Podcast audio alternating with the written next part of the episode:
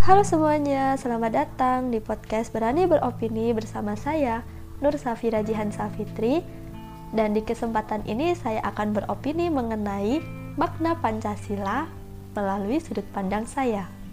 Entah nanti kalian masuk atau tidak makna yang saya sampaikan, ya itu tergantung kalian dalam memahaminya. Langsung aja yuk daripada kebanyakan basa-basi. Kita sering sekali mendengar kata Pancasila. Udah bener-bener gak asing di telinga kita. Sampai-sampai setiap tanggal 1 Juni dijadikan hari lahirnya Pancasila. Nah, dari sinilah memicu kenapa saya ingin beropini mengenai Pancasila menurut versi saya. Pancasila versi saya merupakan nilai-nilai yang sangat mendasar. Artinya bahwa Pancasila itu adalah ideologi yang dibangun oleh tanah air itu sendiri. Namun, melihat fenomena yang ada, terutama di Indonesia, ini sangat benar-benar memprihatinkan.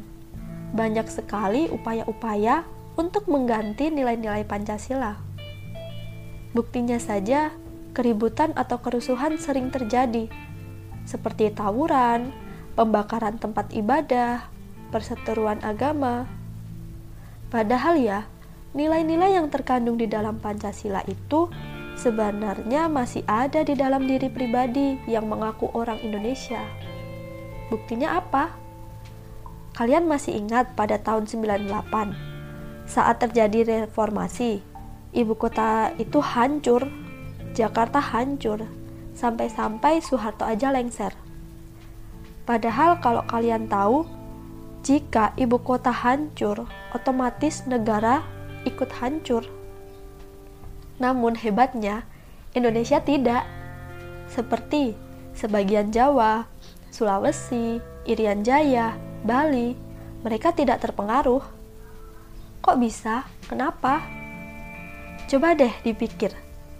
Karena adanya nilai-nilai Pancasila, ini benar-benar merupakan nafas hidup yang berasal di tanah air dan masih ada dalam diri maupun jiwa masyarakat Indonesia.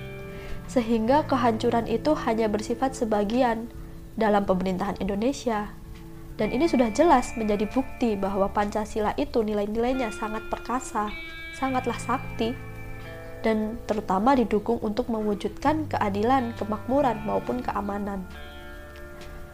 Menurut saya pribadi, makna Pancasila itu harusnya wajib diketahui dimengerti, disadari dengan ditanamkannya secara khusus di dalam setiap warga Indonesia dan dilakukan berulang-ulang agar nilai-nilai Pancasila itu tertanam secara kita semua tahu kan apa isi Pancasila? Namun, saya benar-benar prihatin. Coba deh kita dites untuk menyebutkan sila pertama. Kalian pasti langsung menjawab, yaitu ketuhanan yang Maha Esa. Namun, kalau kalian disuruh untuk menyebutkan sila ketiga, kalian tidak akan bisa menyebutkannya secara langsung. Pasti diurutin dulu. Apa artinya?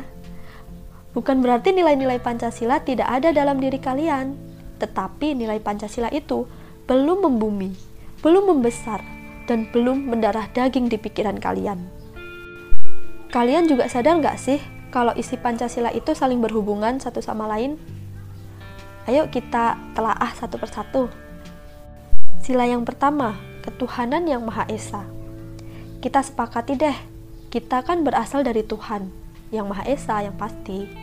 Maka dari itu, kalian memiliki rasa jika kalian sudah menyepakati kalau kita berasal dari Tuhan. Nah, artinya kita harus mempunyai bukti nyata diri dan sikap jika kita memiliki rasa. Apa itu? Dan jawabannya ada di sila kedua, yang merupakan bukti dan implementasi dari sila pertama, yaitu kemanusiaan yang adil dan beradab. Orang yang berasal dari Tuhan, tentu orang tersebut memiliki rasa dan jiwa kemanusiaan. Ini berarti gerakan perbuatannya itu harus beradab dong, bukan biadab. Nah, jika memiliki sikap kemanusiaan dan beradab, secara otomatis ini akan menciptakan sila ketiga, yaitu Persatuan Indonesia. Persatuan Indonesia ini dapat terwujud jika kita berasal dari pribadi Tuhan Yang Maha Esa dan memiliki sikap kemanusiaan yang beradab secara otomatis, mampu menciptakan persatuan bagi semua. Namun, kita harus sadar dalam berinteraksi pasti memunculkan sebuah perbedaan, perdebatan. Nah, semua itu tidak akan luput dari masalah, tetapi bagaimana kita menyelesaikan masalah tersebut. Karena suka atau tidak suka akan muncul perbedaan pendapat, perbedaan kepentingan, ini akan memunculkan sebuah konflik.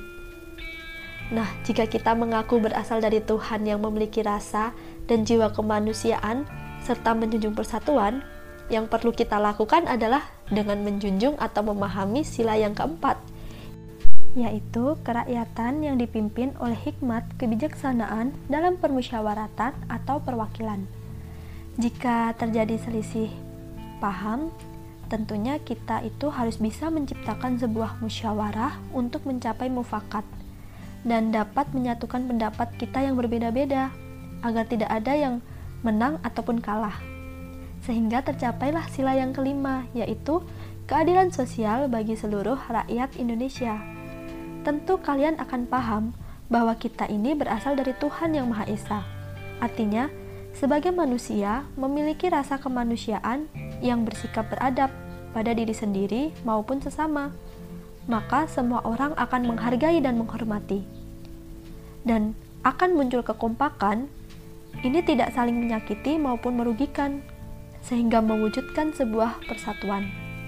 Namun, tidak lepas dari masalah karena itu cara penyelesaiannya mengedepankan musyawarah untuk mencapai mufakat Hasilnya itulah yang menciptakan keadilan sosial bagi semuanya.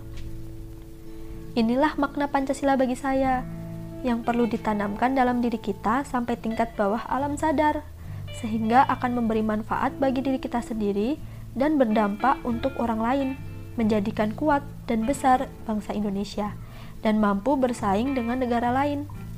Pernah saya berpikir, alangkah besarnya bangsa ini jika nilai-nilai Pancasila tertanam dengan kuat di tiap individu masyarakat Indonesia, dan makna Pancasila ini ditanamkan melalui jalur pendidikan di tiap sekolah dari tingkat TK, perguruan tinggi, dan ini bisa dibudayakan loh.